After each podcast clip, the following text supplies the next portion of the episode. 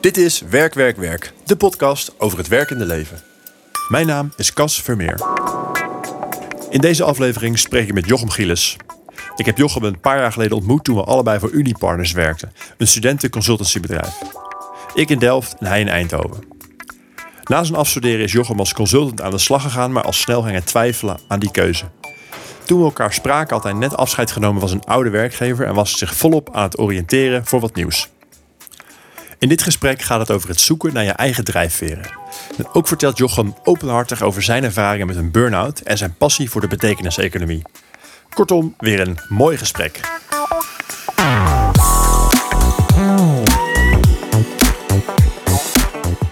Jochem, eh, superleuk dat je er bent vandaag. Ja, dankjewel. Zou je misschien uh, iets over jezelf kunnen vertellen? Yes, ja, ik ben, uh, ben Jochem, 27 jaar. Ik uh, woon in Amsterdam, kom uit Eindhoven. Ik heb daar uh, aan de TU gestudeerd, Innovation Management, een master van technische bedrijfskunde.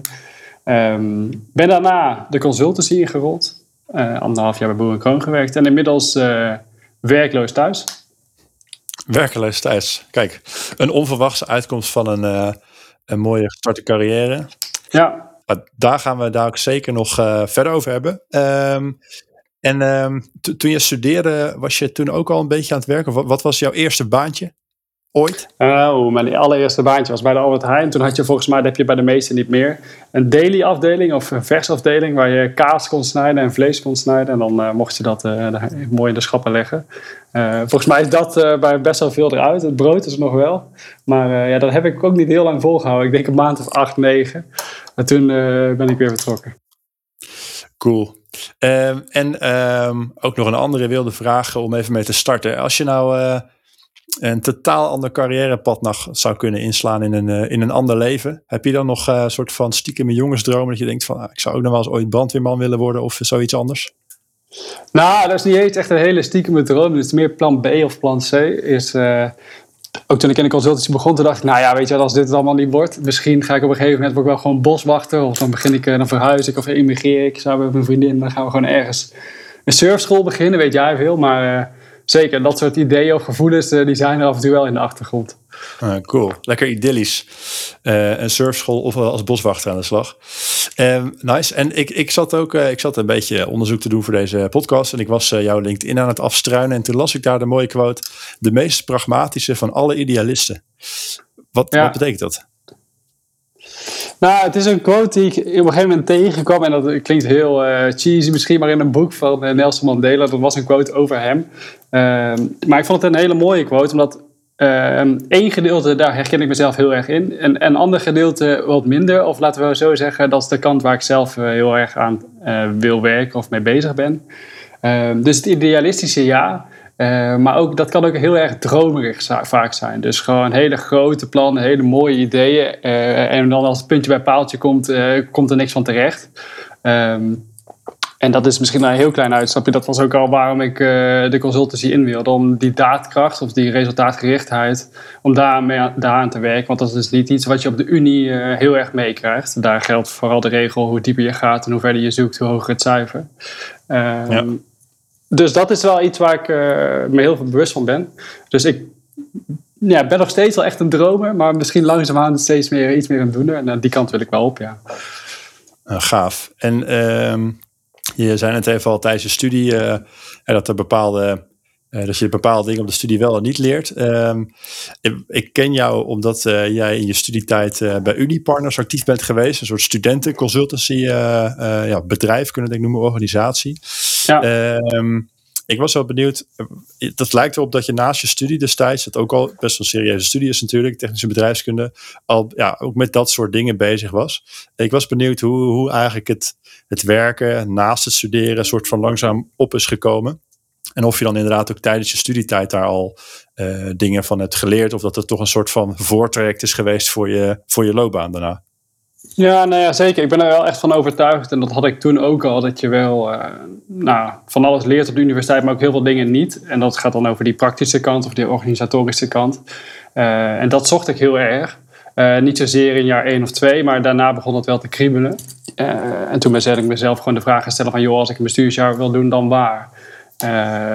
Ja, dan ga je gewoon zoeken. op een gegeven moment kwam ik Unipartners tegen. Dat was wel een plek waarvan ik dacht dat ik uh, nou ja, al ergens een inkijkje kon krijgen in het bedrijfsleven of hoe je dat contact legt. Ja. Kun je iets vertellen over Unipartners, wat het eigenlijk is? Ja, dus Unipartners is een student consultancybureau. Dat uh, gelooft dat studenten ook al voordat ze hun papiertje halen uh, van waarde kunnen zijn in het bedrijfsleven. Dus dat je niet hoeft te wachten tot je je diploma op zak hebt. Maar daarvoor al zegt van joh, deze jongelui die kunnen hartstikke veel. Uh, kunnen we daar een mooie match maken met het bedrijfsleven die dan goed gebruik kunnen maken van hun hersenen op flexibele basis. En ja, Ik, ik, vind, ik vind dat een uh, heel mooi uitgangspunt. Uh, omdat het ook aan de, de, kant van de studenten de kans geeft om nou ja, niet alleen in de appie te staan, of alleen in mijn geval ook de paté te staan, maar ook gewoon altijd je studie een nuttige bijbaan te, te, doen. Ja, en daar ben je toen dus in het bestuur, in het bestuur geraakt. Wat, wat heb je toen dat jaar gedaan? Ja, ik heet, dat heet acquisitiemanager van het uh, Nationaal Bestuur. Altijd, uh, altijd, een mooie titel, dat is het belangrijkste. Een hele mooie titel, ja, heel fancy.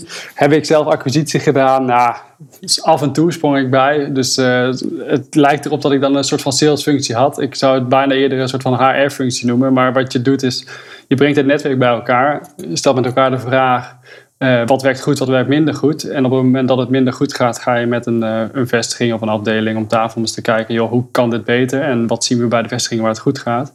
En soms is dat ondersteuning door praktisch mee te doen, want ja, het is ook zeker bij koud bellen of bij acquisitie ook vaak weer een drempel overheen gaan. Dus als je dan daarnaast kan gaan zitten, dan doe je dat. Um, maar het is uh, nou ja, meer faciliterend dan dat ik echt dagelijks aan de telefoon ja. hing met bedrijven. Want waar jij het bestuur bij deed bij Unipartners, dat was een beetje het landelijk bestuur. En er zijn vestigingen per stad. Zo moeten we het een beetje zien, toch? Ja, dus iedere studentenstad uh, heeft zijn eigen regionale bestuur. Die halen de opdrachten binnen en koppelen de studenten. En dan is er één nationaal bestuur wat nou ja, faciliteert of een overkoepelende rol heeft. Om te zorgen dat het één geheel blijft. Uh, en om te zorgen dat we van elkaar leren in plaats van allemaal als eilanden opereren. Ja, uh, nice. Um, en um, dat, dat is natuurlijk al best een soort van, heeft ook best iets commercieels, het uh, Unipartners. Uh, je hebt ook in technische bedrijfskunde, denk ik ook een vrij commerciële of bedrijfs, ja, bedrijfsmatige insteek in de studie. Nou, dan gaat ja. het vaak veel over geld verdienen, over, over aandeelhouderswaarde, dat soort, dat soort mooie woorden. Um, daar, daar lijkt een bepaalde richting uit te gaan. Dat je heel zakelijk of zo jezelf aan het ontwikkelen bent. Was dat voor jou ook het, het doel, het belangrijkste in die studententijd? Nee, eigenlijk helemaal niet. Nee, uh, ik moet wel zeggen, voordat ik mm, technische bedrijfskunde ging doen, kwam ik van een bachelor af. En dat was Psychology and Technology. Uh, ook aan de TU in Eindhoven. Uh, en wat dan meer dan de commerciële kant de rode draad is tijdens mijn studie, is psychologie, arbeids- en organisatiepsychologie. Maar ook de vraag nou ja, hoe richten we bedrijven zo in dat, ze, nou, dat de medewerkers daarin optimaal uh, functioneren. Dus het gaat voor mij, of het ging voor mij, en nog steeds niet, zozeer om zoveel mogelijk geld verdienen op de commerciële inslag. Maar de vraag is, hoe kunnen we bedrijven gebruiken om nou ja, mensen goed aan het werk te zetten, maar ook uh, nou, uiteindelijk maatschappelijke problemen op te lossen. Dus dan komt ook die, die, die idealist een beetje omhoog. Ja, die komt die zeker omhoog, ja. En, en als we dan van je studie de stap maken naar jouw uh, eerste, eerste baan. Um, je zei al dat je voor, vanwege het soort van pragmatisme de, de consultancy op het oog had. Um, uiteindelijk ben je bij Boer en Kroon uh, beland als jong executive. Um, ja. In, wat was het, mei 2020 geloof ik, ben je daar begonnen. Kun je even voor de, voor de luisteraar ook uitleggen wat, wat Boer en Kroon eigenlijk doet. En ook wat een jong executive eigenlijk is? Nou, Kroon is een consultancybureau wat een programma heeft van drie jaar, waar je als jong executive uh, vier tot zes opdrachten doet bij verschillende bedrijven. Uh, dus verschillende bedrijven qua cultuur, maar ook qua structuur zie je publiek, privaat, kan van alles zijn. Uh, en daarnaast volg je een trainingsprogramma wat heet The Hero's Journey, um, waar je trainingen samen met een trainingsgroep van de man of tien volgt. om je te ontwikkelen op nou, persoonlijk leiderschap, projectmanagement en allerlei andere vaardigheden. Maar dat betekent wel dat je 40 uur per week uiteindelijk bij de klant zit. Dus je werkt echt mee. Het is geen opdracht van buiten waar je een advies schrijft en weg bent. Uh, de implementatie is belangrijk. En uh, op het kantoor van Boer Kroon zul je dan ook niet veel zijn. trainingen volg je wel samen, maar uiteindelijk werk je voor de opdrachtgever. Wat echt heel gevarieerd kan zijn, maar vaak nou ja, projectmanagement of procesmanagement-achtige rollen zijn. Ehm, ik had wel de overtuiging dat ik ergens wilde werken waarbij ik het idee had, tenminste, dat wat we doen niet zomaar in de kast belandt. En dat vond ik uiteindelijk bij, uh, bij. Uh, wat aangaf heel erg uit te gaan van implementatie. Dus waar de meeste, meeste stoppen ehm, met een rapport, gaan zij verder en voeren ze het ook echt uit. Uh, dat was van, voor mij vanuit de studie ook wel echt een belangrijk aspect. Ik had toen heel erg de overtuiging, nou, nog steeds wel, dat rapport schrijven is het makkelijkste gedeelte. Het uitvoeren of implementeren, dan komt de, de echte uitdaging kijken. En dat is wel waarom ik uh, voor Boer Kroon koos. Ja. En voordat je dan bij Boer Kroon aan de slag bent gegaan, heb je misschien ook naar andere bedrijven gekeken. Wat, wat voor activiteiten heb je ondernomen om je, om je te oriënteren? Ja, nou ja, voordat ik echt bij bedrijven ging kijken, heb ik mezelf echt wel gewoon bewust de vraag gesteld: wat wil ik, wat zoek ik, wat kan ik, uh, wat drijft me en ook gewoon, uh, nou, misschien ook wel wat brengt me ver. Uh, misschien meer onderbewust, maar die speelde achteraf toch ook echt wel mee. En dan ga je spreken met mensen, met vrienden, maar ook met mijn pa en ook met nou ja, bekenden die al een beetje in de hoek zitten van waar ik misschien wilde gaan werken. nou, vanuit daar ben ik dan gaan kijken van joh als ik een plek zoek waar ik me kan ontwikkelen en veel verschillende bedrijven in korte tijd kan zien en een programma kan volgen, wat blijft er dan over waar ik echt een beeld van heb van nou, daar geloof ik wel in, dat dat kan me ver brengen. En toen ben ik gaan kijken bij Boer en Kroon. Ik ben gaan kijken bij John Caulfield. Ook een traineeship van na een paar jaar. Um, ik ben gaan kijken bij, dat heette toen Op Morgen. een dochteronderneming van Twijnstra Gudde. Uh, wat anders dan Boer en John Caulfield meer op de maatschappelijke kant van projecten zat. Dus vooral voor de publieke sector.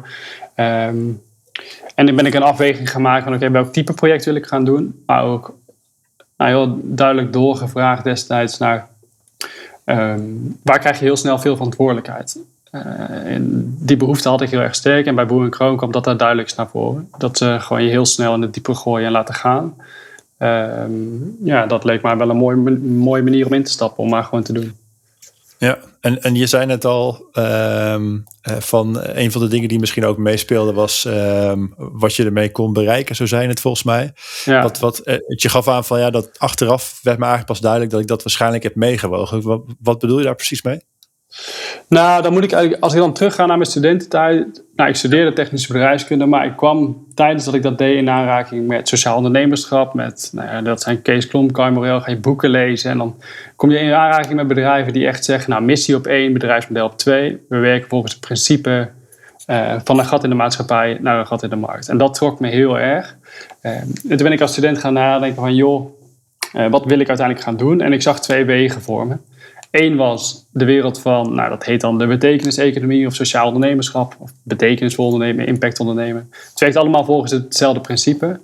Uh, en ik dacht, joh, dat is heel gaaf. Het zijn hele kleine, kneuterige bedrijfjes vaak, wel met een supermooie missie. Waarom stap ik daar niet gelijk in? Als dat is waar ik in geloof, waarom ga ik daar niet zoeken? Nou, dat was een richting die ik voor me zag. Een andere richting die ik voor me zag was de kant uh, van de consultancy, waar ik dacht, daar kan ik me goed ontwikkelen, trainingen volgen, programma volgen, gave mensen, leuke opdrachten. En na die paar jaar, want dat was eigenlijk mijn plan, na een jaar of twee, drie, mag ik dan alsnog wel die wissel. Hoezo zou ik nu al direct op zoek gaan naar zo'n sociaal onderneming? Moet ik niet eerst gewoon wat werkervaring opdoen? Dat was een beetje de vraag die ik mezelf stelde.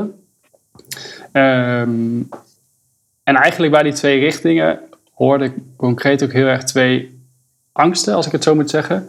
Namelijk bij de, aan de ene kant Ehm, aan de kant van de betekeniseconomie was ik heel erg bang dat ik mijn, nou ja, tussen aanhalingstekens, goede cv in de prullenbak zou gooien op het moment dat, een, dat ik ga werken bij een sociaal onderneming die failliet gaat of dat het toch niet blijkt te zijn. Een soort van bang voor gaten op mijn uh, cv. Ik had toch het idee van, nou, ik uh, kom goed van de Unie af, goede cijfers, bestuursjaar gedaan.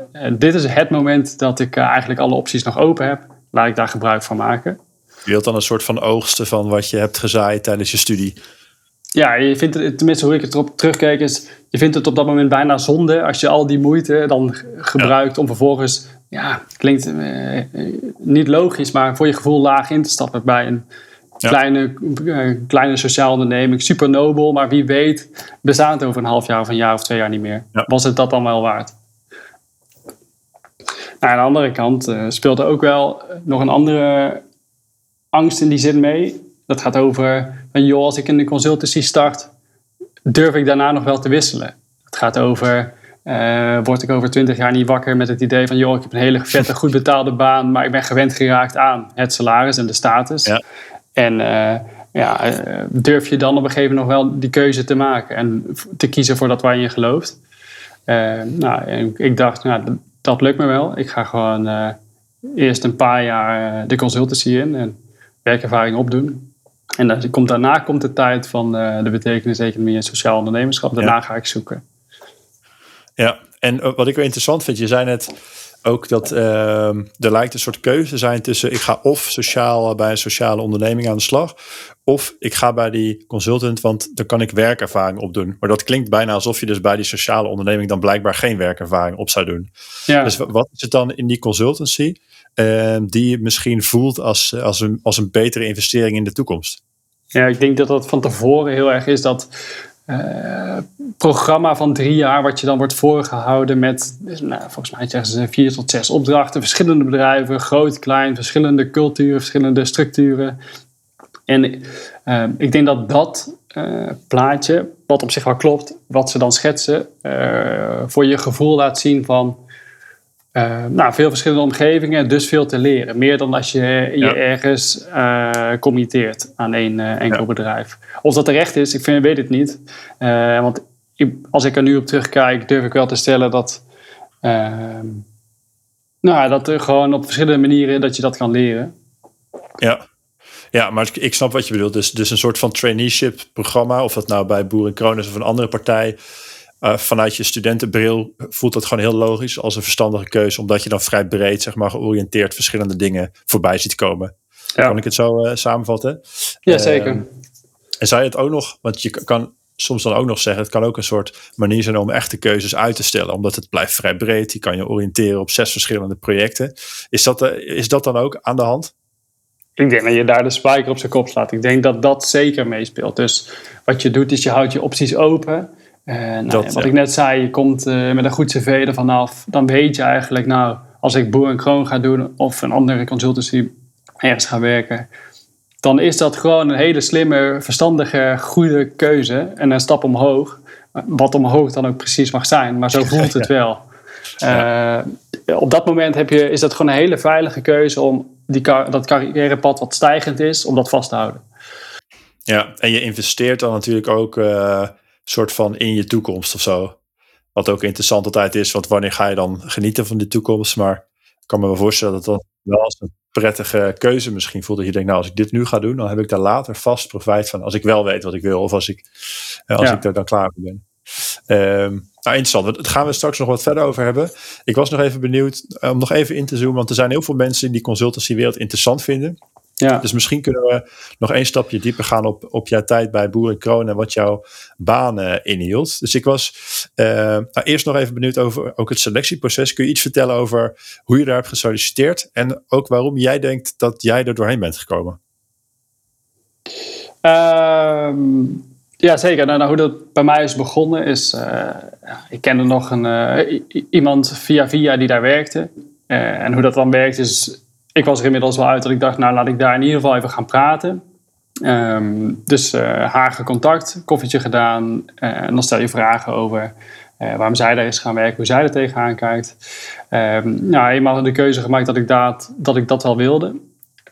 dan, ga, dan ga je het proces echt in. Dat houdt in een eerste gesprek en een tweede gesprek met een case. Dus dat is vaak met de HR-afdeling. Uh, het is vrij informeel in dit geval. Uh, je werd niet compleet doormidden gezaagd en ik had niet het idee dat je daar moest doen alsof je alles kon.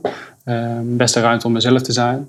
En na die twee gesprekken dan heb je nog uh, twee andere rondes. Dat is een intelligentietest die je thuis maakt. En daarna een laatste, nou normaal gesproken zou het dag zijn, bij mij was het online. Ehm, Waarbij je gesprekken met een psycholoog en dan nog rollen spellen met een acteur. Om te kijken hoe je op bepaalde situaties reageert.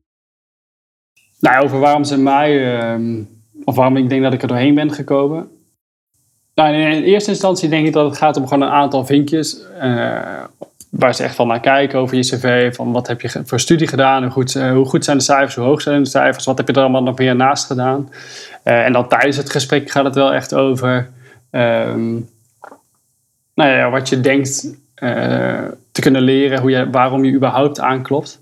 En wat het verhaal is waar je uiteindelijk heen wilt. Ehm, en ik denk dat ik ergens een combinatie van nou ja, de TU-achtergrond en goede cijfers met nou, een soort van sociaal capabel nog uh, dat daaraan toevoeg, dat, uh, dat dat wel helpt. Ja. Ik weet ook wel, dat is echt niet overal zo is, maar ik merkte wel tijdens de gesprekken dat je wel echt gewoon jezelf kon zijn en dat je niet hoeft te doen alsof. dus je wordt niet compleet doormidden gezaagd of getest. En dat je moet doen alsof je alles kan. Ehm, de openheid was best wel aanwezig tijdens het gesprek. En dat was voor mij wel belangrijk. ja. Vond je het ook leuke gesprekken? Ja, ik vond het echt oprecht wel leuke gesprekken. Ik dacht van tevoren van, oh, daar worden best taaie gesprekken. Of dan moet je echt, je moet alles kunnen of zo. Veel reuze mee. Um, en dat vond ik ook echt belangrijk. Want voor mij is het wel echt belangrijk of ik nou met, weet ik veel, een vijf jaar jonger iemand zit. Of met uh, een CEO van een MKB-bedrijf. Dat maakt niet zoveel uit. Maar ik heb wel altijd het gevoel hebben dat wij met elkaar spreken als gelijk, als volwassenen. En dat was tijdens je sollicitatiegesprek ook. Uh, ja, ik wil je graag werken, maar ik kom niet mijn baan eisen en ik wil je of smeken om die baan te hebben. Voor mij is dat belangrijk dat ik wel het idee heb van oké, okay, nou ze willen me graag en ik wil hier graag, dus we gaan het doen. Uh, en dat ja. het niet van één kant komt. Ja, dus een soort evenwichtigheid of zo in het gesprek. Ja. misschien denk ik altijd dat het misschien wel twee kanten op werkt. Want misschien omdat jij het een leuk gesprek vond, vonden zij het ook een leuk gesprek. En draagt het ook wel weer bij aan dat je uiteindelijk dan door die sollicitatie heen komt natuurlijk. Ja. En uh, hoe ga je dan naar zo'n sollicitatie? Is dat, uh, moet je strak een pak daar of, of uh, zat je daar in je korte broek? Ik denk, een korte broek wordt denk ik niet helemaal gewaardeerd. Vind ik zelf echt oprecht wel jammer. Nou, misschien is dat nog wel een leuke anekdote. Ik ben wel eens in korte broek naar kantoor geweest. Want ik vind eigenlijk persoonlijk dat dat echt prima moet kunnen. Ja, je was een statement aan het maken. Nee, helemaal niet. Ik was gewoon lekker mezelf. Alleen dat was blijkbaar een statement. Maar nee, uh, ik weet het was echt 35 graden of zo. En ja, schijnbaar kan dat niet. Uh, bij Boerenkroon kan best veel. Je kunt prima in je t-shirt of in je trui. Of in, maar de meeste mensen zien er wel vrij netjes uit. Heus niet in pak. Uh, laten we ergens zeggen tussen smart casual en casual in. Uh, maar een korte broek gaat schijnbaar dan net te ver. Dus daar kreeg ik wel een opmerking over. meer, uh, meer uitgelachen dan dat het een serieus van joh, dat kun je echt niet maken was. je hoeft er niet terug naar huis. Nee, zeker niet. Maar ik moet wel zeggen, uh, heel eerlijk, van tevoren had ik ook uh, toen ik ging solliciteren, en los van waar dat dan was, het idee van nou, ik wil in ieder geval niet iedere dag, dag in pak hoeven. Of ik wil eigenlijk ja. gewoon kunnen dragen wat ik wil. Vond ik eigenlijk best belangrijk. Heb ik toch een beetje links laten liggen, want het kon niet helemaal. Nee, nee, oké. Okay. Maar dan kan ik me voorstellen dat je ook zelf niet naar je sollicitatie gaat inpakken of zo. Want dan wil je misschien. Nee, nee, zeker niet. Want dat vind ik zelf vrij heftig. Nee, ik ja. ging gewoon een, uh, een nette broek en dan hebben we een overhemd met daarover een, uh, hoe heet dat, een pullover. Een pullover, een trui, ja. Ja, ja uh, dat is voor mij wel een beetje het meest netjes wat ik chill vind. Hey, en, en toen had je dus die gesprekken gehad. Nou, dan daarna volgt misschien nog een soort onderhandeling over salaris. Kun je iets vertellen van wat je uiteindelijk als je als jong executive start in zo'n omgeving, wat je dan ongeveer op moet rekenen, wat je kan verdienen? Ja, nou, dat is allemaal uh, vrij fixed. Nou, wellicht dat het wel echt onderhandelen valt, maar uh, hoe het toen was, is dat het 26,50 per maand was. En dat is gewoon vast voor iedereen die start van de Unie komt en nou ja, dat programma inrolt. en ook de manier hoe dat dan groeit hangt af van beoordelingen, maar dat zit gewoon weer binnen vaste percentages. en dat groeit dan ieder jaar. Uh, afhankelijk van hoe goed je doet. Je krijgt een beoordeling van de, het bedrijf waar je eh, de opdracht doet. En je krijgt een beoordeling vanuit Boer en Kroon. En dat wordt de gemiddelde. Ja. En uh, daar hangt een percentage aan vast. En dat traineeship, dat duurt, was het drie jaar, zei je? Ja, dat duurt drie jaar. En als je dan uh, drie jaar verder bent, zeg maar, waar, heb je enig beeld van waar je dan ongeveer aan moet denken aan wat je dan verdient op dat moment? ja, even kijken. Volgens mij zat ik dus op, wat, dan zit je op 31,5 als je begint. Vervolgens op uh, 33,5, 34. Ja. En daarna nog een keer zo'nzelfde stap. En dat zijn bruto maandsalarissen, heb je het nu over, toch? Dat zijn bruto maandsalarissen. Ja, oké. Okay. Helder. Nou, altijd goed ook omdat uh, dat is soms best moeilijk om van buitenaf natuurlijk een beeld over te krijgen. Ja. Um, en ik was ook benieuwd, ik had je natuurlijk gevraagd vooraf iets voor te bereiden om een soort ja, een doordeweekse dag op het werk bij Boerenkroon of bij een van je, uh, bij de opdrachtgevers uh, met ons te bespreken. Dus ik was benieuwd, welke dag heb je uitgekozen en kun je ons meenemen in uh, wat je toen gedaan hebt? Ja, nou dat wordt sowieso op opdracht, want ja, bij Boerenkroon ben je bijna niet. in principe zit, je 40 uur per week op opdracht, in mijn geval Philips. Um, ik ben daar september 2020 gestart en vanaf toen gewoon 40 uur per week bij Philips in dienst geweest. Um, en ik had eigenlijk twee typen dagen kunnen kiezen, want even om mijn context te schetsen. Ik zat in het Marketing Transformation Team. Er zat er een man of acht in. Uh, met als opdracht van, joh, we zijn als Philips een uh, marketingtransformatie aan het ondergaan. Dat betekent dat we op een andere manier gaan werken. Maar we hebben heel veel mensen die al aan het werk zijn. De vraag is, wie doet wat en wat verandert er voor wie? Um, dus gewoon simpelweg de vraag om voor het hele marketingdomein wereldwijd te kijken, wie doet wat? Wie mag zich ergens tegen bemoeien, wie ook zeker niet. En hoe zien alle processen eruit? En dat gaat van marketingstrategie tot hoe doen we onze events, hoe doen we onze online marketing en activatie, hoe maken we promotiemateriaal. Uh, alles uh, komt daarbij kijken. Um, en in die periode dat ik daar zat, gingen we eigenlijk steeds door cycli heen. Dus je had een periode dat je met heel veel stakeholders sprak over wat doe jij en wat zou je moeten doen en dat uittekenen. En aan het einde komt er een soort controleperiode van een week of twee. Uh, dus voor buitenstaanders die enigszins bekend zijn met bijvoorbeeld Visio. Het is gewoon letterlijk het tekenen van processen in een programma als Visio. Uh, dus op een door, de weekse dag voor mij begon vaak met een korte meeting van een half uurtje, bijvoorbeeld van uh, nou, 9 tot half 10, met iemand uit mijn team om even te checken: oké, hoe staat het proces ervoor?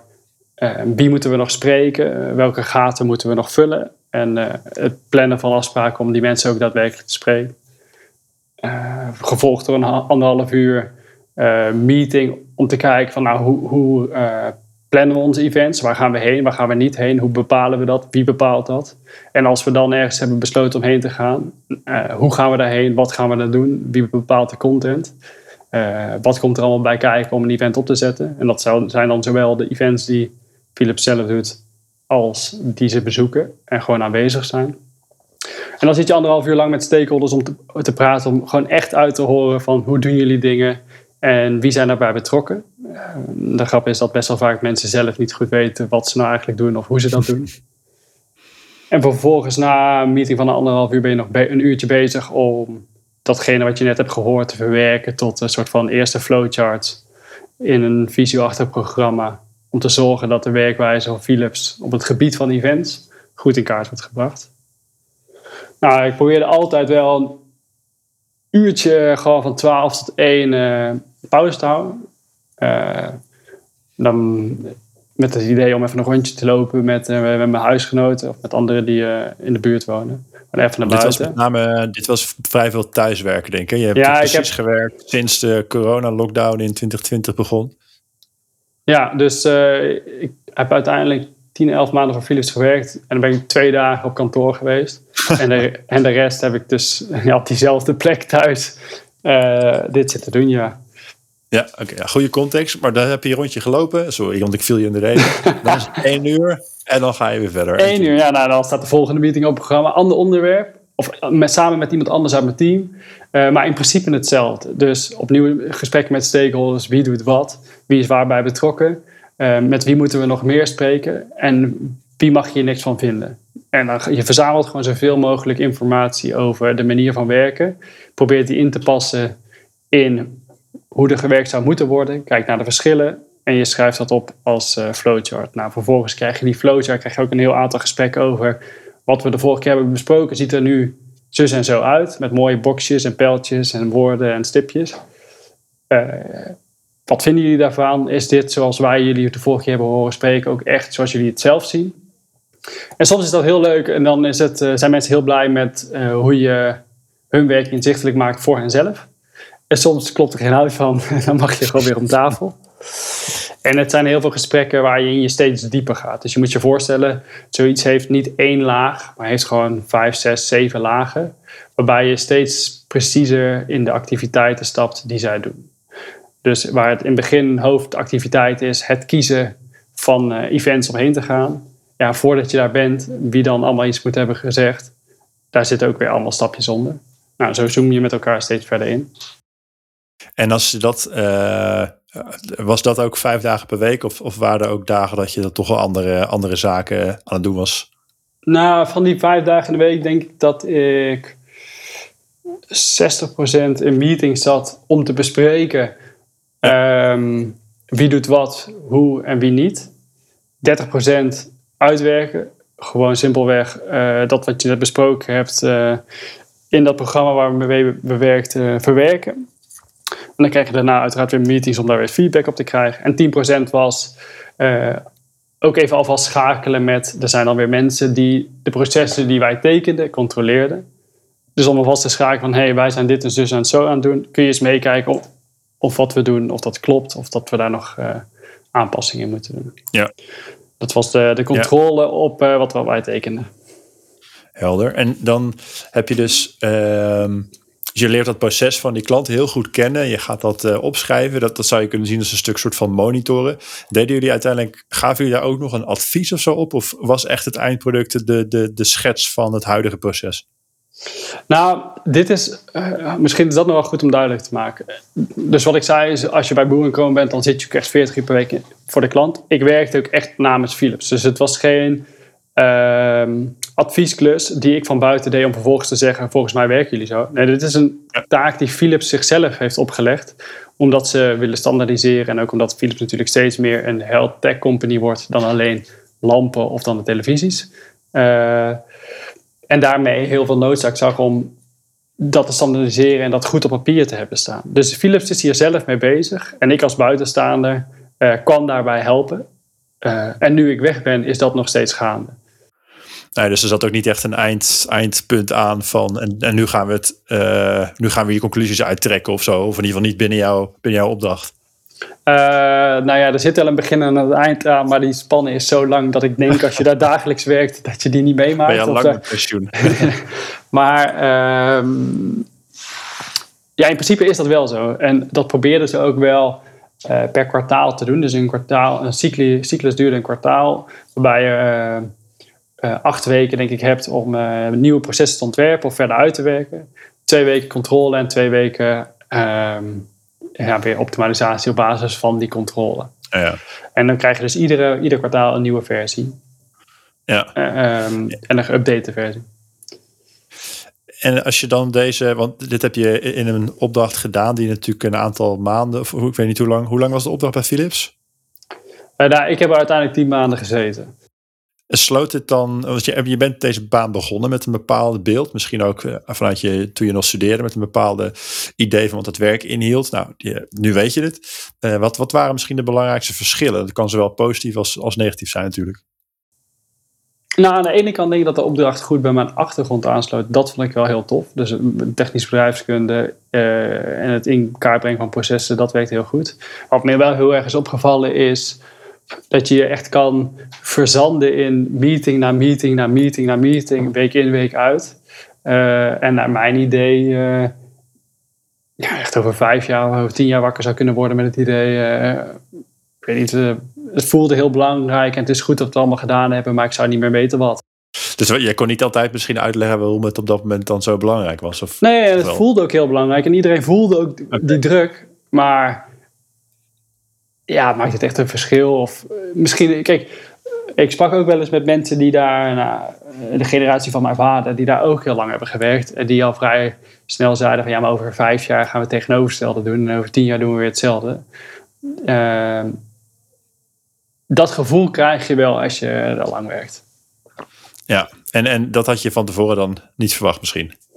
Um, vind ik een moeilijke. Want ik, ik, ik dacht, misschien, wellicht is het zo. En toch is het heel anders om, uh, om het mee te maken en om het te zien.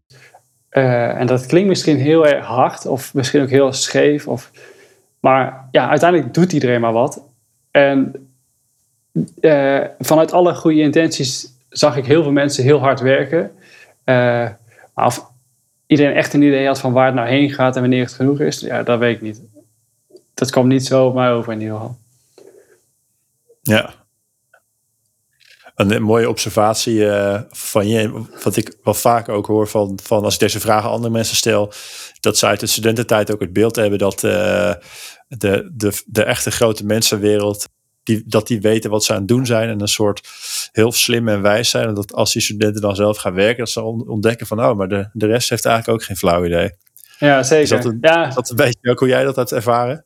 Ja, zeker. Je hebt een soort van beeld van tevoren van daar zal het allemaal wel professioneel zijn en goed geautomatiseerd en goed geregeld. En dan stap je binnen en dan is het nog net geen complete chaos. Ja. En, en de, ja, ja, soort in die partners, ja. Nou ja, dat, ik, ik, dat heb ik wel, ja. En, en daar hadden we het met Anne ook wel eens over, ja. Ik denk dat het ook uh, heel beladen kan zijn, maar ook heel erg opluchtend kan werken. Van ja, iedereen doet maar wat. Ja, dan probeer zelf ook maar gewoon wat. Geeft ook veel vrijheid. Geeft ook veel vrijheid, ja. Ja. En, en uh, gaf net al aan, helemaal aan het begin, zei je van ja, en nu ben ik werkeloos. Uh, dus er is ergens uh, nogal iets veranderd tussen die tijd bij Philips en nu. Ja. Ehm, en we hebben natuurlijk van tevoren al even besproken. Dat begon volgens mij met dat je het op het werk, wat, nou ja, dat eigenlijk steeds iets minder goed kon gaan. Dus zou je ons daar in, in mee kunnen nemen in dat verhaal? Ja, zeker. Um, nou, dat begint eigenlijk met dat het juist heel erg goed ging. Uh, zeker ook bij Philips, iedereen hartstikke tevreden. Uh, lekker aan het werk, hard aan het werk. Um, maar ook knaagde er wel ergens iets van wat ik aan het begin vertelde over dat die kant van de betekenis-economie of sociaal ondernemerschap, dat dat ook heel erg um, nou ja, aan me trok. Dat, ik had verwacht dat dat minder zou worden als ik gewoon aan het werk zou gaan. En misschien ook wel een beetje de angst dat het idealistische zou verdwijnen. Nou, het tegenovergestelde bleek wel waar. Want dat bleef gewoon echt een soort van stemmetje in mijn achterhoofd. Dus terwijl ik iedere dag heel hard mijn best deed voor Philips, was dat heel erg aanwezig. Dat stemmetje van, joh, zou je niet even bij de Sociaal Ondernemersclub gaan kijken of daar niet iets hartstikke vets te doen is. Uh, dus dat. En aan de andere kant uh, dan wel nog steeds gewoon elkaar doorwerken. En dat ging goed. Ik kreeg de credits voor en ook dan uh, uh, ook toen waren de beoordelingen weer hartstikke goed, iedereen positief. Uh, maar ik was zelf nooit echt, uh, echt tevreden. En daar kwam bovenop dat als gevolg van dat die beoordelingen zo positief waren, dat er altijd wel de vraag was: kan Jochem niet nog dit of kan Jochem niet nog dat? En als ik ergens slecht in ben, is het wel nee zeggen, mijn grenzen aangeven. Um, dus wat daar gebeurde is dat ik gewoon steeds zei: ja, is goed, kan dit ook wel, kan dat ook wel. En natuurlijk, dit gaan we ook nog doen. Maar nergens ooit eens vroeg van, hé, hey, maar zullen we dit dan niet meer doen? Of zullen we iets anders laten zitten? Uh, dus waar ik in het begin heel erg werkte vanuit overzicht, ga je langzaamaan, ging ik de uurtjes die ik had om te plannen en om te kijken van, joh, wat is er toch ook, wat moet er gebeuren? Ga je die ook invullen met taken die je nog te doen hebt, waar je ook ja tegen hebt gezegd. En dan kom je op een gegeven moment ergens uit in een soort van tredmolen waar je gewoon blijft rennen. En rennen tot je eigenlijk omvalt. Uh, en dat is bij mij uiteindelijk ook gebeurd. Dat ik, nou, wat ik net zei, de uurtjes voor plannen had ingewisseld op te rennen. Niet meer links of niet meer rechts keek. Het overzicht ook al enigszins kwijtraakte. Iedereen nog steeds hartstikke enthousiast, want het was nog wel af. Het enige probleem is, dan werk je op een gegeven moment echt op adrenaline. Uh, dus voor mij gold ook dat ik dan uh, nou, s'morgens wel mijn boterhammen smeerde. Maar gewoon daar niet naar omkeek of mijn koffie liet staan. Werkte niet per se hele lange dagen, maar wel hele intense dagen. Ehm, en dat heeft me uiteindelijk wel opgebroken, ja. Dus dat kun je een tijdje volhouden, maar niet zo lang als, uh, als ik dacht. Um, dus ja, op een gegeven moment word je dan stilgezet. Dan, uh, bij mij was het echt uh, gewoon fysiek stilgezet in de zin van op een gegeven moment zat ik in een meeting en ik voelde gewoon, als deze meeting dadelijk over is, dan is het met mij ook klaar. Dus ik voelde gewoon van, joh, als ik dit hier dadelijk op leave klik, dan uh, val ik ook om. En dat gebeurde ook. Dus dat betekent dat ik toen ja, moest overgeven en omviel gewoon op de bank helemaal kapot. gelijk beginnen te huilen en gewoon niet meer weten wat, ja, wat het einde is.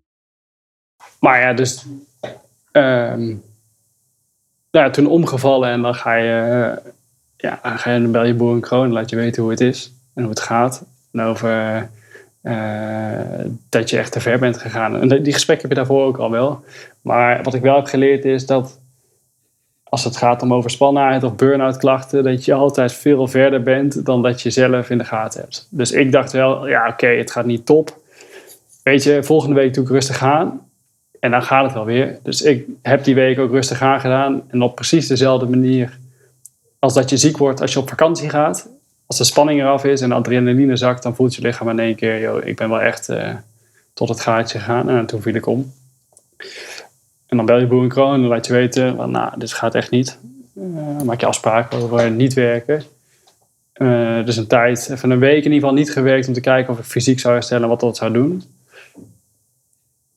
En daarna weer een week geprobeerd, maar dat ging echt niet. En dan, en dan kom je in gesprek met mijn bedrijfsartsen opeens. En dat gaat best snel. Uh, ik moet zeggen, ik denk dat ik als ik zou moeten schatten dat ik echt een maand of anderhalf maand echt, echt te hard heb gewerkt. En daarvoor was ik in mijn hoofd ook af en toe ergens anders. En toch is de schade dan best groot. Veel groter uh, dan ik zelf van tevoren had gedacht.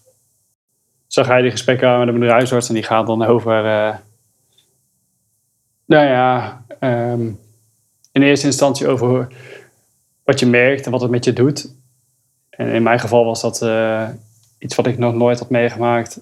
Uh, overprikkeldheid. Ik wist nooit zo goed wat mensen daarmee bedoelden. Uh, maar opeens was een ja, was met vijf of tien man bij elkaar zijn en pilsjes drinken en een voetbal op de achtergrond was al te veel. Dat hield ik niet langer dan anderhalf uur, twee uur vol. Dan viel ik in slaap. En dan, dan moest ik daar echt weg. En ook onverklaarbare helbuien bleven opeens komen. Dus dat je gewoon zelf niet het idee hebt van, joh, ik sta op springen.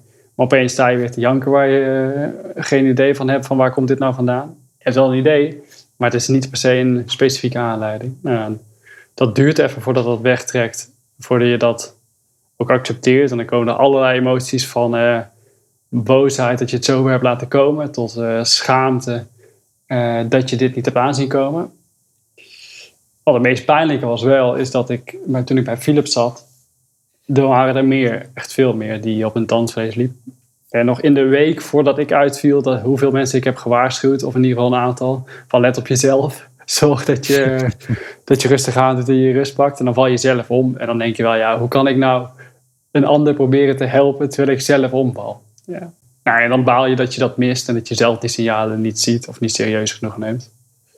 Uh, ja, voor je het weet zit je dan uh, thuis. Eerst een maand en dan twee maanden. En dan uh, ga je nog eens tussendoor op vakantie echt ertussenuit. Dan worden drie maanden en vier maanden en je herstelt wel. Maar ik vond het vies en vies tegenvallen. Ik dacht echt, dit gaat sneller, dit gaat ja, in die zin makkelijker. Ik heb het, uh, kon wel wel goed, ik heb het zo op de rit. Ja, toch viel dat vies tegen. Dan ga je nadenken over ja, wat je wil, wat je eigenlijk aan het doen bent. ga je even terugkijken naar, in mijn geval de Jochem die ik was toen ik student was, wat ik belangrijk vind. En ook uh, ga je dan eens goed luisteren naar het stemmetje in je hoofd over sociaal ondernemerschap. En die dingen die je eigenlijk vertelt zonder dat je daar ooit toe gedwongen wordt. Maar dat je het gewoon zelf leuk vindt om daarover te lezen, te vertellen en te praten. En al is het maar aan de keukentafel. En dat zijn de onderwerpen die mij aan het hart gingen. Maar waar gewoon geen ruimte voor was. Dus dan neem je eerst de tijd om uh, goed te herstellen. En dat is één. En als je dan langzaamaan herstelt en uh, weer een beetje aan het werk gaat, dan, nou, dan ga je daar ook goed over nadenken. Over wat ik wil, kan ik dat vinden bij Boerenkroon? Uh, en dan ga je met elkaar ook het gesprek aan van, joh, waar komt dit nou eigenlijk vandaan? En hoe, hoe is dit zover gekomen? En wat wil je eigenlijk? Wat zoek je? En vind je dat hier? Um, nou ja, op een gegeven moment kom je samen tot de conclusie dat, dat, dat wat ik zocht, dat dat niet de dat dat niet te vinden was binnen Boerenkroon. Uh, en daar gaat het ook over eerlijk zijn naar jezelf en naar elkaar. En over uh, ja, in dat geval dan afscheid nemen en uit elkaar gaan. Uh, en je hebt, je hebt ook een partner, je, je, woont samen. Ik was wel benieuwd hoe dat dan. Die ziet dat ook. Ehm, hoe hebben jullie daar, hoe zijn jullie er samen mee omgegaan? En, en, want dat kan je misschien ook helpen in zo'n periode. Dus kun je daar iets over vertellen? Ja, uh, nou, allereerst, uh, zonder haar was het gewoon totaal niet gelukt om, om daar nou ja, uit te komen of daar echt erkenning aan te geven. Kijk, op een gegeven moment moet je wel. Maar het is wel fijn dat er iemand naast je staat die zegt: joh, het is goed. En uh, nu jij eerst. Dus in die zin had ik haar hulp ook wel nodig om te zeggen van oké, nu kies ik echt voor mezelf. Zelfs toen het zover was. Ehm, maar dat is wel pittig, ja. En uh, uiteindelijk heb je dus, ben je met je werkgever in gesprek gegaan. En met als resultaat dat je uiteindelijk uit elkaar zijn gegaan. Ehm, wat heeft jou dan, en je legde het uit van dat is een, eigenlijk het resultaat ook van bij jou een stukje introspectie van wat wil ik nou eigenlijk. Wat denk je dat jou heeft tegengehouden om dat dan toch eerder te doen? Of, of, of misschien andersom, als je nu terugkijkt, zou je, had je dan al eerder daarmee aan de slag kunnen gaan? Ja, nou, wat ik misschien aan het begin beschreef is, je had, in mijn hoofd werkte het met twee wegen en twee angsten. Dus eentje ging over de betekenis-economie en de angst om nou ja, een soort van je potentieel niet waar te maken. En de andere gaat over de consultancy en de angst om daar ooit nog wel weg te komen. En wat ik heel erg merkte is dat ik op een gegeven moment dacht van joh, maar heb ik nou echt die consultancy of die ervaring nodig om te kiezen waar ik in geloof? En ook al gaat het fout en ook al vind ik straks een sociale onderneming die hartstikke mooi is en al gaat het failliet of vertrek ik daar zelf weer omdat het toch niet is wat ik wil. Ook dat is prima, maar dat gaat heel erg over vertrouwen hebben in wie je al bent en wat je al kan. En niet zozeer het stempel van nog een consultancy of een bestuursjaar of wat dan ook weer nodig hebben eh, om te mogen proberen en te experimenteren. Uh, van tevoren gaat het heel erg over FOMO toch ook. Je wil het gezien hebben, je wil het meegemaakt hebben. Ik had de kans. Mijn cv was naar, ik dacht, nou, ik kom sowieso binnen en dat lukte. En je wilt het dan zien en ervaren. Maar was het niet voor mij? Ik weet het niet. Ik denk dat de wereld van de betekenis-economie me veel meer trekt. Maar wel een veel minder gebaand pad is. Dus het grote verschil tussen die twee is als je de consultancy in wilt, dan weet je, weet je waar je aan moet kloppen. En dan weet je welke stappen je moet volgen. En het is gewoon super eenvoudig en het is altijd een weg naar boven voor je gevoel. Het is gewoon veilig. En de wereld van de betekeniseconomie is onduidelijk. Uh, heel veel kneuterige bedrijfjes waarvan je totaal geen idee hebt uh, of die over vijf jaar nog bestaan. En is veel risicovoller. Je weet ook totaal niet uh, wat je aan salaris kan verwachten of waar je überhaupt moet gaan zoeken. Dus dat pad is veel minder gebaand en daarmee veel minder makkelijk te bewandelen. Ik denk dat dat geen reden is om het niet te doen, maar wel om voor de makkelijke weg omhoog te kiezen. Ja, en je zei net ook van dat je dus misschien ook een soort uh, vertrouwen moet krijgen in je eigen kunnen, voordat je misschien genoeg, laten we zeggen, zelfvertrouwen hebt om dat pad op te gaan. Is dat dan iets wat je hebt ontwikkeld, denk je, in die boerenkroontijd misschien? Ik heb wel geleerd om gewoon te vertrouwen op wat ik kan en wie ik ben, in plaats van een stempel van buitenaf te hebben. Dus wat ik heel erg merkte is dat ik nog geen paar maanden bij Boer en Kroon zat. En toen al heel erg bezig was met, oké, wat doen we na deze drie jaar? En wat gaan we doen? En moet ik nu al mensen contacten? En ik wil dan de betekeniseconomie kant op. Hoe ga ik dat doen? Dus ik was al heel snel bezig. En heel vroeg ook bezig met, hoe ga ik de wissel maken? En dat maakte ook, helaas, dat Boer en Kroon steeds meer... Uh, ook een stempel op je cv werd. Van ja, ik heb daar gewerkt. En stel, het gaat straks fout en, en uh, ik werk bij een heel nobel uh, initiatief, maar het gaat failliet. Dan heb ik in ieder geval nog boerenkroon op mijn cv staan. En dat is een soort van vangnet gedachte die... Ja, een soort gouden kooi ook een beetje. Ja, die ook totaal idioot is. En die ook helemaal niet nodig is. En wat ook misschien wel zonde is als je zo'n programma doet. maar die bij mij wel zeker leefde. En, en, en nu ben je daar natuurlijk uit, uitgestapt. Dus je zou ergens kunnen zeggen, je hebt nu in dat vangnet gedoken. Of nou, misschien bestaat dat vangnet dus niet, of is het niet nodig. Uh, hoe kijk jij daar dan nu anders tegenaan? Of, of ja, misschien dat je dan nu ook wel merkt van hé, hey, je kan eigenlijk ook wel zonder vooruitkomen. Ja, nee, je gaat je steeds meer afvragen wat omhoog eigenlijk is. Eh, en je leert dan vertrouwen op dat vangnet, want ik denk wel dat het er is. Maar hoe ik er naar kijk is, het is in Nederland zo goed geregeld. Je moet het wel echt verpesten, wil je jezelf in de problemen brengen. En je mag best een gokje wagen. En je mag best eens proberen en zien en kijken waar het zit op het strand. En waar ik hiervoor heel erg het gevoel had van... Een ik heb een perfect cv, laten we dat zo houden. Geen gaten erop alsjeblieft. Heb ik nu veel meer zoiets van... Ja, laten we maar kijken waar het schip strandt. En uh, als dit het niet is, dan weer het volgende. Maar het betekent niet dat als één ding het niet blijkt te zijn... dat er dan allerlei deuren dicht gaan. Um, En dat voelde eerder wel zo. Je, je zei net uh, van hè, in Nederland wordt ook best wel goed voor je gezorgd. En kun je ook, heb je de, de vrijheid om iets te proberen. Uh, kun je iets vertellen over hoe dat dan praktisch werkt? Want je bent dus nu niet meer werkzaam voor Boer Co, maar je hebt ook nog niet een nieuwe werkgever. Nou, dat klinkt misschien voor sommige mensen als echt een soort van de hel op aarde, want dan ben je dus werkeloos. Wat, wat, betekent dat eigenlijk? Dus ja, hoe, hoe gaat het in zijn werk? Nou, hoe dat in zijn werk gaat, is dat je met elkaar dus in gesprek gaat over, nou, zit je wel op je plek, is wat jij zoekt hier te vinden en zo niet, is dat in op een andere manier hier te vinden. Dus je gaat eerst over opties af en uh, nou ja, kijken of je toch op een andere manier datgene wat je zoekt daar kan vinden. Nou, als dat blijkt dat dat niet het geval is, dan moet je met elkaar ook concluderen dat je dan wellicht beter uit elkaar kan gaan. Nou, dat neemt dan de vorm, dan ga je met elkaar in gesprek. Uh, en dat neemt dan de vorm van een vaststellingsovereenkomst. De vaststellingsovereenkomst is een soort van contract eigenlijk waarin je de afspraken rondom het uit elkaar gaan vastlegt, toch?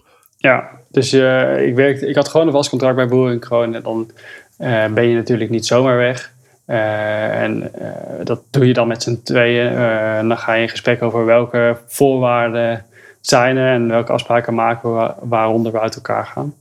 Ehm, Nee, aan, het eind van het liedje zet je daar eh, allebei je handtekening onder als je daar akkoord mee bent. En, en wat gebeurt er dan daarna? Want dan, dan kom je natuurlijk in een soort, ik kan me voorstellen, een soort overheidsprogramma nog een tijdje. Ja, dus dan, kom je, dan ga je richting de, de WW. En dan uh, uh, meld je je met je vaststellingsovereenkomst bij het uh, UWV. Ehm, en dan maak je aanspraak op een WW. Die aanvraag dien je in die wacht je af. En afhankelijk van hoeveel jaren je hebt gewerkt en hoeveel uren je hebt gemaakt in die jaren, ehm, krijg je WW uitgekeerd voor een x aantal maanden. Ja, en in, in jouw geval, hoe lang is dat dan ongeveer waar je, dat je dan die uh, vergoeding krijgt? Ja, dat is het minimum. Dus dat, in mijn geval is het drie. Uh, aangezien ik tijdens mijn studie niet extreem veel heb gewerkt, uh, werden dat niet meer ja. maanden helaas. Ja, dus die drie maanden kun je dan ook dus wel heel mooi gebruiken om uh, te heroriënteren en je weer ja, in de goede richting te krijgen voor, voor wat nieuws. En, en, en nou, ik was wel ook wel benieuwd voor jou. Uh, dat ben je volgens mij nu aan het doen. Uh, dat oriënteren voor wat nieuws. Dus ik, ik ben wel ehm, benieuwd met welke criteria je eigenlijk nu de arbeidsmarkt bekijkt. En, en met welke ogen, misschien ook anders dan voorheen, je nu kijkt naar de kansen die er zijn. Um ja, wel echt heel anders. Dus veel, veel meer vanuit mezelf en wat ik belangrijk vind. Dus dat ga je ook weer aan de slag met, oké, nou waar zal ik mijn bijdrage aan willen leveren? Uh, dus de wereld van de betekenis-economie zijn bedrijven die allemaal hun eigen missie nastreven met een businessmodel eromheen. Maar er zijn heel veel verschillende nou, maatschappelijke uitdagingen om aan te werken. En de vraag is, waar wil ik mijn steentje aan bijdragen? Uh, dat is één vraag. Daar, ga denk je over na, heb je het met vrienden over, spreek je allemaal mensen over. Een ander aspect is, oké, nou, uh, de missie is leuk, maar ik wil daar ook uiteindelijk werk doen waar ik uh, mijn talent in kwijt kan of waarmee ik uh, een verschil kan maken. en dat probeer je bij elkaar te brengen. Dat is denk ik een puzzel van, oké, op dagelijks niveau welke baan en nou, op jaar of meerjarenniveau aan welke missie wil ik bijdragen. Nou, dat breng je bij elkaar door. Nou, in mijn geval, hoe ik dat heb aangepakt, is gewoon simpelweg de mensen die in de richting zitten waarvan ik denk, nou, dat zou eens iets kunnen zijn, die gewoon weer te contacten en te zeggen, nou, ik ben weer op avontuur, ik ben aan het kijken, heb je zin in koffie? Uh, en dan ga je gewoon het gesprek aan. En er zijn gewoon echt duizend en één initiatieven. Uh, en uit ieder gesprek, dan ga je niet zozeer in om gelijk die baan te zoeken, maar wel om gewoon weer een puzzelstukje te vinden van, denk, ah, dit trekt me wel. Um, en in mijn geval zijn dat eigenlijk twee aspecten. Is dat of een bedrijf wat heel erg op de groene kant zit. En dat gaat over circulariteit of uh, nou, ecologische duurzaamheid. Um, een ander aspect is, wat ik zelf ook merk aan mezelf, is dat ik het hartstikke gaaf vind om nou, te spreken, te filosoferen en uit te dragen wat dan de betekenis-economie is en wat er aan de grondslag ligt. Um, dus toen ik laatst een gastcollege daarover gaf, toen merkte ik dat ik ook dacht van, nou, dit is ook wel iets waar ik iets mee wil. En zo zoek je naar waar je energie van krijgt. En je zei, dat is een beetje op het macroniveau, zeg maar. Dus high level, uh, welke missie je wilt najagen. Je zei ook, je wilt nu ook goed kijken naar het echte het dagelijkse werk, hoe dat bij je aansluit. En wat is daarin voor jou de, de, de ideale baan? Wat ik heel erg merk is dat de ondernemende kant me eigenlijk wel heel erg trekt. En dat is misschien ook de kant die, uh, um, nou, het meest pragmatische in me naar boven brengt. Uh, dus ik wil gewoon heel graag aan de slag bij een kleine onderneming, omdat ik ook bij Philips heb gezien wat het betekent om uit te maken van een hele grote organisatie. Misschien zet ik me daar nu tegen af. Maar dat je daar met een uh, technisch bedrijfskundige achtergrond op, nou, dan ga je naar salesfuncties kijken of naar business development functies of projectfuncties. Um, dat je daar verschil in kan maken. Dus wat ik merk is dat ik heel erg zoek naar business development functies bij kleine startups. Met een, dat zijn meestal maar een man of twee, vijf, misschien tien, uh, waar je dan terecht komt. Uh, of salesfuncties. Dat uh, komt nu ook veel naar boven. ergens op dat raakvlak van, van sales en business development voel ik me denk ik wel thuis. En, en hoe kijk je nu naar bijvoorbeeld uh, salariswensen of misschien bepaalde uh, nou ja, status heeft een beetje een negatief woord, maar de, de, de, de, de rol die zo'n bedrijf op jouw cv bijvoorbeeld gaat spelen voor de toekomst? Ja, ja, dat zal echt een worst wezen. In die zin van, laten we maar gewoon proberen en we kijken hoe het loopt. Als ik het vet vind, dat is het belangrijkste. Um, salaris, kijk, het is hartstikke fijn als ik gewoon op hetzelfde niveau blijf. Iets daaronder is ook prima, maar het hoeft allemaal niet spectaculair te zijn. Uh, het gaat eerst nu zeker over instappen en een plek vinden waar ik me op mijn plek voel, waar ik in geloof. Uh, en dat komt later dan alweer. Uh, is nooit echt een hele grote drijfveer voor mij geweest, dus ik maak me er niet zo heel erg druk om. Ja, gaaf man. En als je nu uh, zo'n beetje terugkijkt op, op de afgelopen half jaar, dat klinkt, of uh, sorry, anderhalf jaar moet ik zeggen, klinkt ook als best een soort van rollercoaster. Uh, maar uiteindelijk is het door, zeg maar, door, het, door dat dal heen te gaan, heb je wel ook nu natuurlijk een keuze gemaakt. Dus dat klinkt alsof er uit wat slechts ook weer iets goeds is gekomen, als ik het zo mag zeggen. Ja.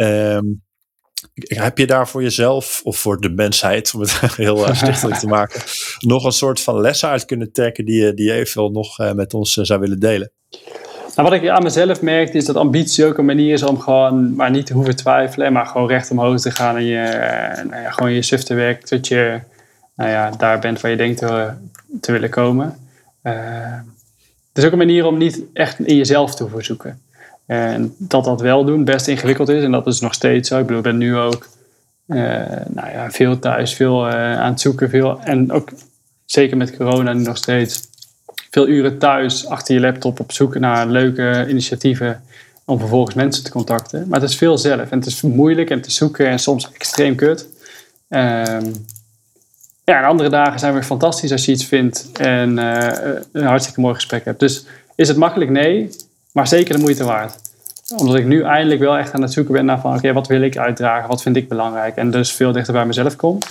Uh, en dat die energie die daarmee komt, het meer dan de moeite waard maakt om dit gewoon in ieder geval te proberen. Los van waar het eindigt. En zie je dat uh, toen je nog studeerde, want dat is natuurlijk een periode waar veel mensen zich aan het oriënteren zijn. Uh, zie je dat, denk je, voldoende terug? Uh, dat mensen inderdaad met die soort van introspectie bezig gaan om te onderzoeken wat ze nou echt willen? ik denk aan de ene kant dat het wel bij deze tijd hoort. Veel meer dan toen onze ouders waarschijnlijk studeerden, natuurlijk. Maar ik heb ook altijd het idee gehad dat iedereen het altijd wel wist. Of wist waar ze mee bezig waren, of wist waar ze heen wilden. Twijfel werd niet extreem veel uitgesproken, in ieder geval niet bij ons op de Unie. Uh, dus ik denk dat het wel belangrijk is om dat met elkaar wel te doen. Om te laten zien dat je twijfelt of het niet weet. En dan maar samen te zoeken. En dat je dat niet alleen hoeft te, zijn, uh, te doen, of dat je dat niet alleen voor jezelf hoeft te houden.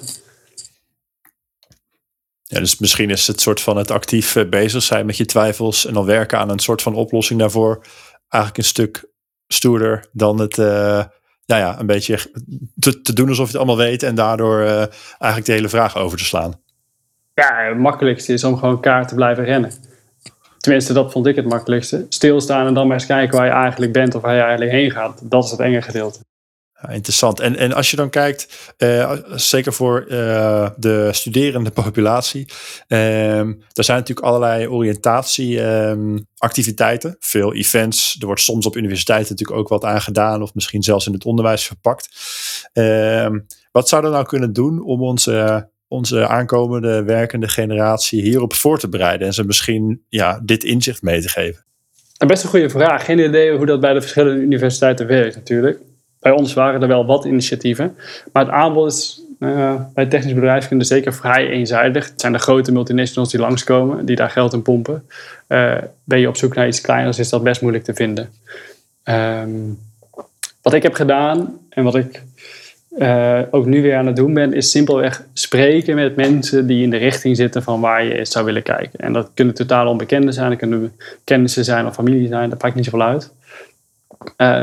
Maar wat me echt opvalt is als je zegt, ik weet het niet, zou ik met me mee willen denken, dat mensen toch wel akelig welwillend blijken te zijn. Uh, en dat iedereen wel een hand uitsteekt en dat iedereen wel weer met een haakje of een lijntje komt die je goed kan gebruiken. En ik denk dat op die manier best wel organisch gewoon zoeken al heel veel waard is. Los van de bedrijfspresentaties die je op de Unie ziet. Ja, dus, dus eigenlijk zouden dan uh, bijvoorbeeld studenten op hun eigen initiatief iets meer contact moeten opnemen met mensen die ze. Dat is natuurlijk heel spannend, maar dat blijkt in de praktijk best goed te gaan. Met mensen die in de richting zitten die ze interessant vinden, zodat je op die manier een beetje voor jezelf je eigen voorlichting kan, kan creëren. Ja, het gaat heel erg uit van jezelf in plaats van dat wat beschikbaar is. Dus kijk niet wat er open staat of wat je wordt aangeboden, maar kijk gewoon wat je wil en ga daar op zoek. Uh, er zijn veel meer vacatures dan degene die online openstaan. Uh, En door het gesprek aan te gaan, creëer je waarschijnlijk eerder iets wat jij zoekt dan, dan dat wat er is. In plaats van.